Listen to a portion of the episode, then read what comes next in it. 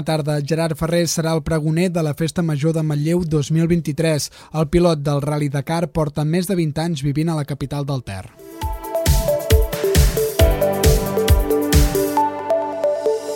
Més vigilància i sancions més dures per a les persones que no participen correctament del porta a porta. L'Ajuntament de Manlleu ha detectat 18 punts de la ciutat on cal posar el focus. Finalitza la campanya Viure millor, consumir millor de la Xes Osona. L'acció, marcada en la Fira Alterna 2023, s'ha portat a terme durant les últimes setmanes a les xarxes socials. Osonament dissenya una aplicació de suport al procés de recuperació de persones amb problemes de salut mental. La Fundació La Caixa destina 10.000 euros al desenvolupament d'aquesta eina. Els abonaments gratuïts de Rodalies i mitjana distància del tercer quadrimestre ja es poden adquirir. Els títols serviran per viatjar entre l'1 de setembre i el 31 de desembre. Canvis en l'horari de la recollida porta a porta durant la festa major. La modificació tindrà lloc el dia de Cantabars i de la festa del Serpent de Manlleu. Aquests són els titulars més destacats del dia d'avui. Comencem l'informatiu Manlleu al dia de Ràdio Manlleu amb un servidor, Albert Vilella.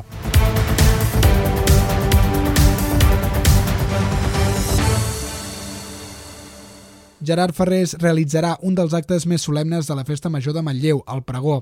Els jardins de Can Puget acolliran l'esdeveniment el pròxim dissabte 12 d'agost a les 8 del vespre. Sobre aquest encàrrec, el pilot del Rally Dakar diu «Estic acollonit, però segur que ho gaudiré».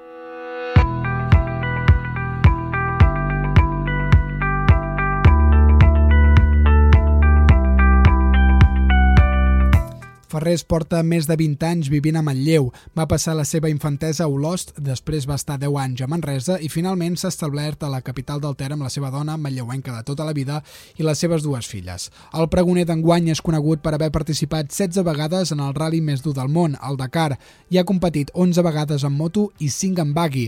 En aquests anys destaca, per exemple, la merescuda primera posició del Dakar 2022 que va cedir al seu company d'equip.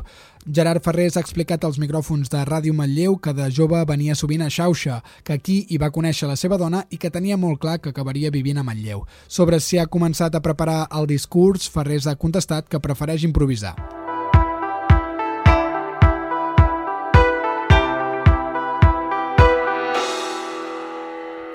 Aquesta és la notícia més destacada del dia d'avui, però a Manlleu han passat més coses.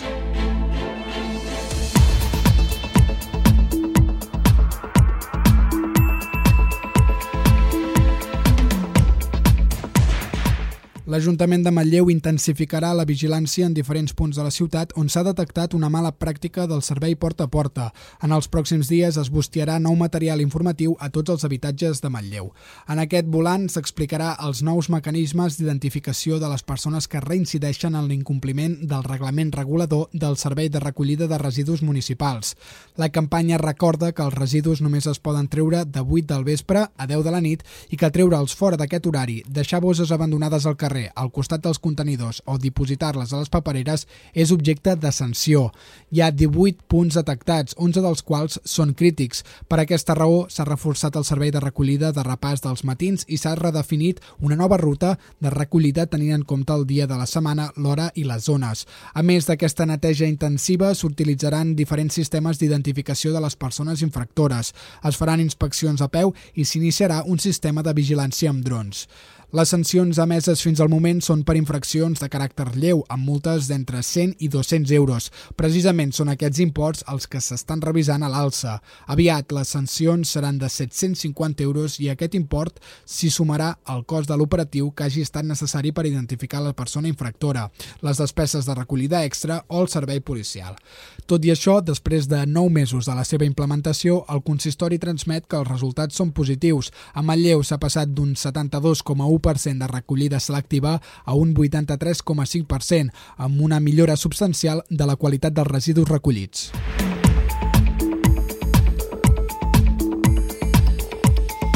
La xarxa d'Economia Social i Solidària d'Osona ha finalitzat la campanya Viure millor, consumir millor. El projecte està emmarcat en la Fira Alternat 2023 que se celebrarà a Manlleu el pròxim 24 de setembre. A través de les seves xarxes socials, la iniciativa ha donat a conèixer maneres de consumir millor per viure millor, posant les persones i l'entorn al centre de les nostres vides i de la nostra economia. A través de les seves xarxes socials, la iniciativa ha donat a conèixer maneres de consumir millor per viure millor, posant les persones i l'entorn entorn al centre de les nostres vides i de la nostra economia. Durant l'últim mes, l'Alternat ha fet diverses publicacions sobre alimentació, reutilització, energia, serveis i cultura. Aquestes anaven acompanyades d'un text que aprofundia en alguna problemàtica sobre el tema en qüestió. També s'explicava la tasca i el projecte de les diferents entitats i empreses que formen part de la XES Osona. La campanya ha estat dissenyada col·laborativament per les entitats de la xarxa amb la creativitat de la Cabra Estudi. Cada il·lustració formava part d'un mosaic més gran que s'anava construint a poc a poc.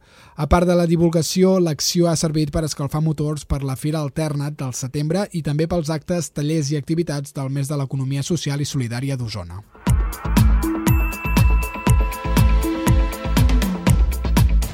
Osonament ha dissenyat una aplicació mòbil de suport al procés de recuperació de les persones amb problemes de salut mental o addiccions. Mentic ha estat possible gràcies al treball conjunt entre l'enginyer informàtic Rubén Aldabó i l'equip assistencial de l'entitat. L'eina conté, per exemple, un chatbot que ajuda a les persones ateses a reconduir moments crítics mitjançant diferents mètodes i estratègies. Els usuaris també poden obtenir informació, atenció i un seguiment quan no són presencialment al centre o no poden tenir l'acompanyament directe d'un professional emocional.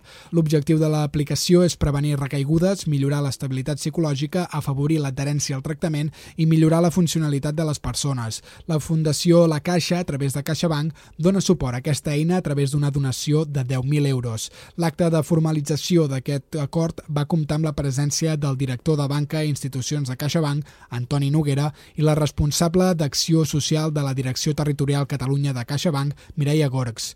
En aquesta trobada també hi eren presents el president d'Osonament, Gerard Sancho, la gerent de l'entitat, Mercè Generó, i la responsable de l'àrea de rehabilitació de l'entitat, Judit Martínez.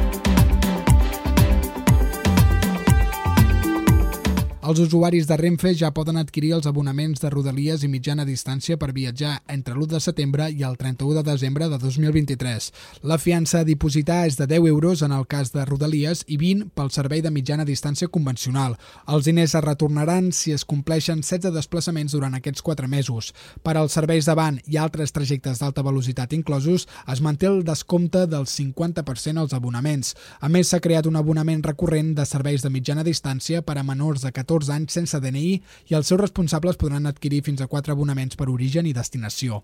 La compra es pot realitzar a través de l'aplicació de Rodalies Renfe i en el cas dels abonaments de mitjana distància a través del web i els canals de venda habituals, en previ registre. Els usuaris que hagin utilitzat l'abonament de Rodalies o mitjana distància al segon quadrimestre d'aquest any se'ls tornarà la fiança sempre que n'hagin complert les condicions. Els que l'hagin pagat amb targeta rebran un reemborsament automàtic. L'Ajuntament de Manlleu avisa d'un canvi en l'horari de la recollida porta a porta en els dies del Cantabars i de la Festa del Serpent. El divendres 4 d'agost caldrà treure el cubell amb l'orgànica abans de les dues. El dilluns 14 d'agost, Festa del Serpent, s'haurà de treure el multiproducte abans de les dues també. D'aquesta manera, el servei i la celebració no coincidiran. Per a la resta de dies es mantindrà l'horari habitual. Els residus domèstics es poden treure entre les 8 del vespre i les 10 de la nit. Per a més informació es pot trucar al 900 500 578 o enviar un mail a portaporta arroba matlleu.cat. També trobareu més detalls del servei a matlleu.cat barra residus.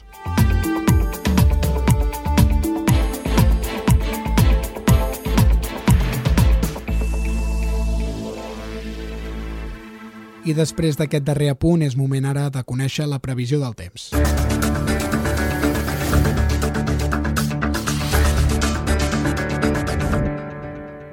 Pugen les temperatures a Manlleu, temps assolellat i màximes que s'han enfilat avui fins als 36 graus. Tot i això, demà, canvi de tendència amb temperatures que cauran fins als 28 graus de màxima i amb possibilitat de pluja. Per a la resta de la setmana es preveuen temperatures suaus i alguna precipitació més que podria arribar el divendres i el diumenge.